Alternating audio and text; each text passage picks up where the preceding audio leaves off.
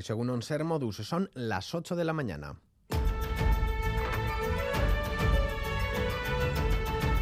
Crónica de Euskadi con Lier Puente.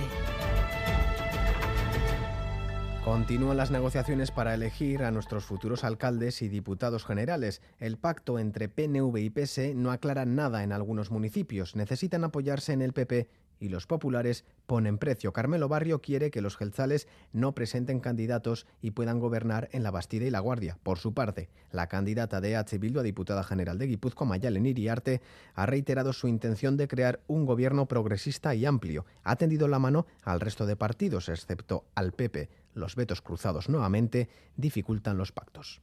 Vamos a trabajar porque nuestros candidatos que han sido ganadores de las elecciones en La Guardia y La Bastida sean los alcaldes. Seguimos con la mano tendida para conformar un gobierno amplio y de progreso que responda a los retos de época.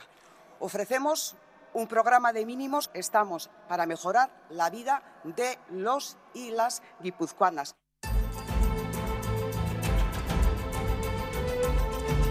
Y el director general de la Academia Vasca de Policía, Andrés Cearreta, señala que es posible que alumnos de la Academia de Arcaute colaboren en el dispositivo de las etapas vascas del Tour de Francia, pero como una acción formativa. Si hay buenas oportunidades para formar a las personas que tenemos en situaciones en donde haya eh, pues una combinación de factores, puede ser el tour perfectamente, pues en ese caso, sin duda, puede ser un buen momento para utilizarlo, insisto, para formar a las personas que van a ser policías.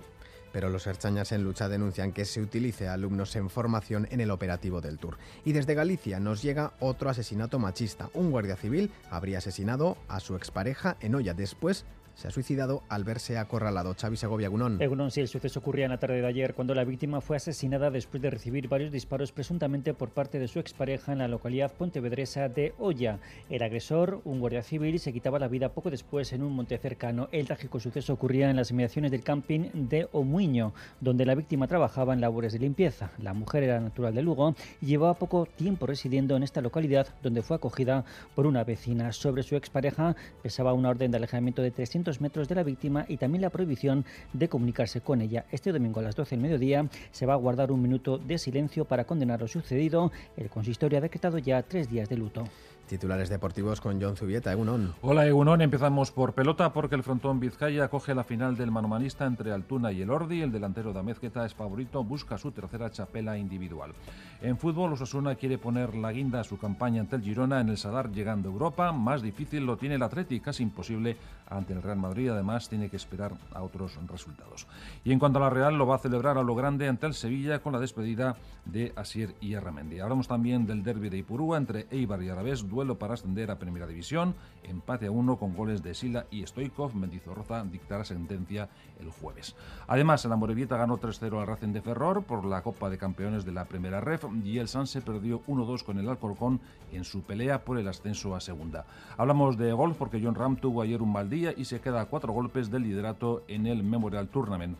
En baloncesto, el GBC juega este mediodía su cuarto partido ante el Leima Coruña en la fase de ascenso a la Liga ACB.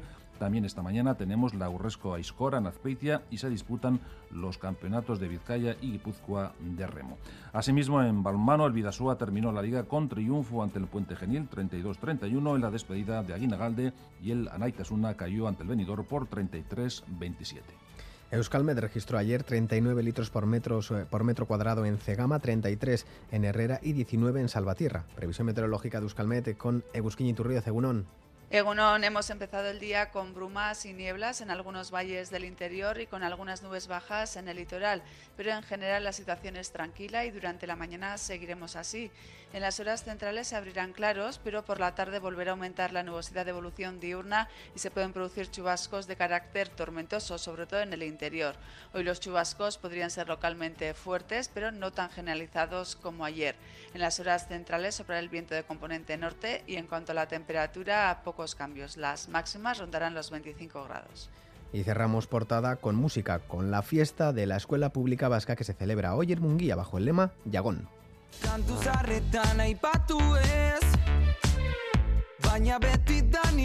Hemen gaude Los alumnos, profesores y padres de los seis centros escolares de la comarca de Munguía han sido los encargados de organizar la fiesta de hoy junto con la asociación EIGE. La fiesta se celebrará en el momento en el que se están llevando a cabo cambios importantes en cuanto a la ley de educación. Según han explicado los organizadores, es necesario, más que nunca dicen, cuidar el euskera y la escuela pública. Lourdes Imaz, coordinadora de EIGE.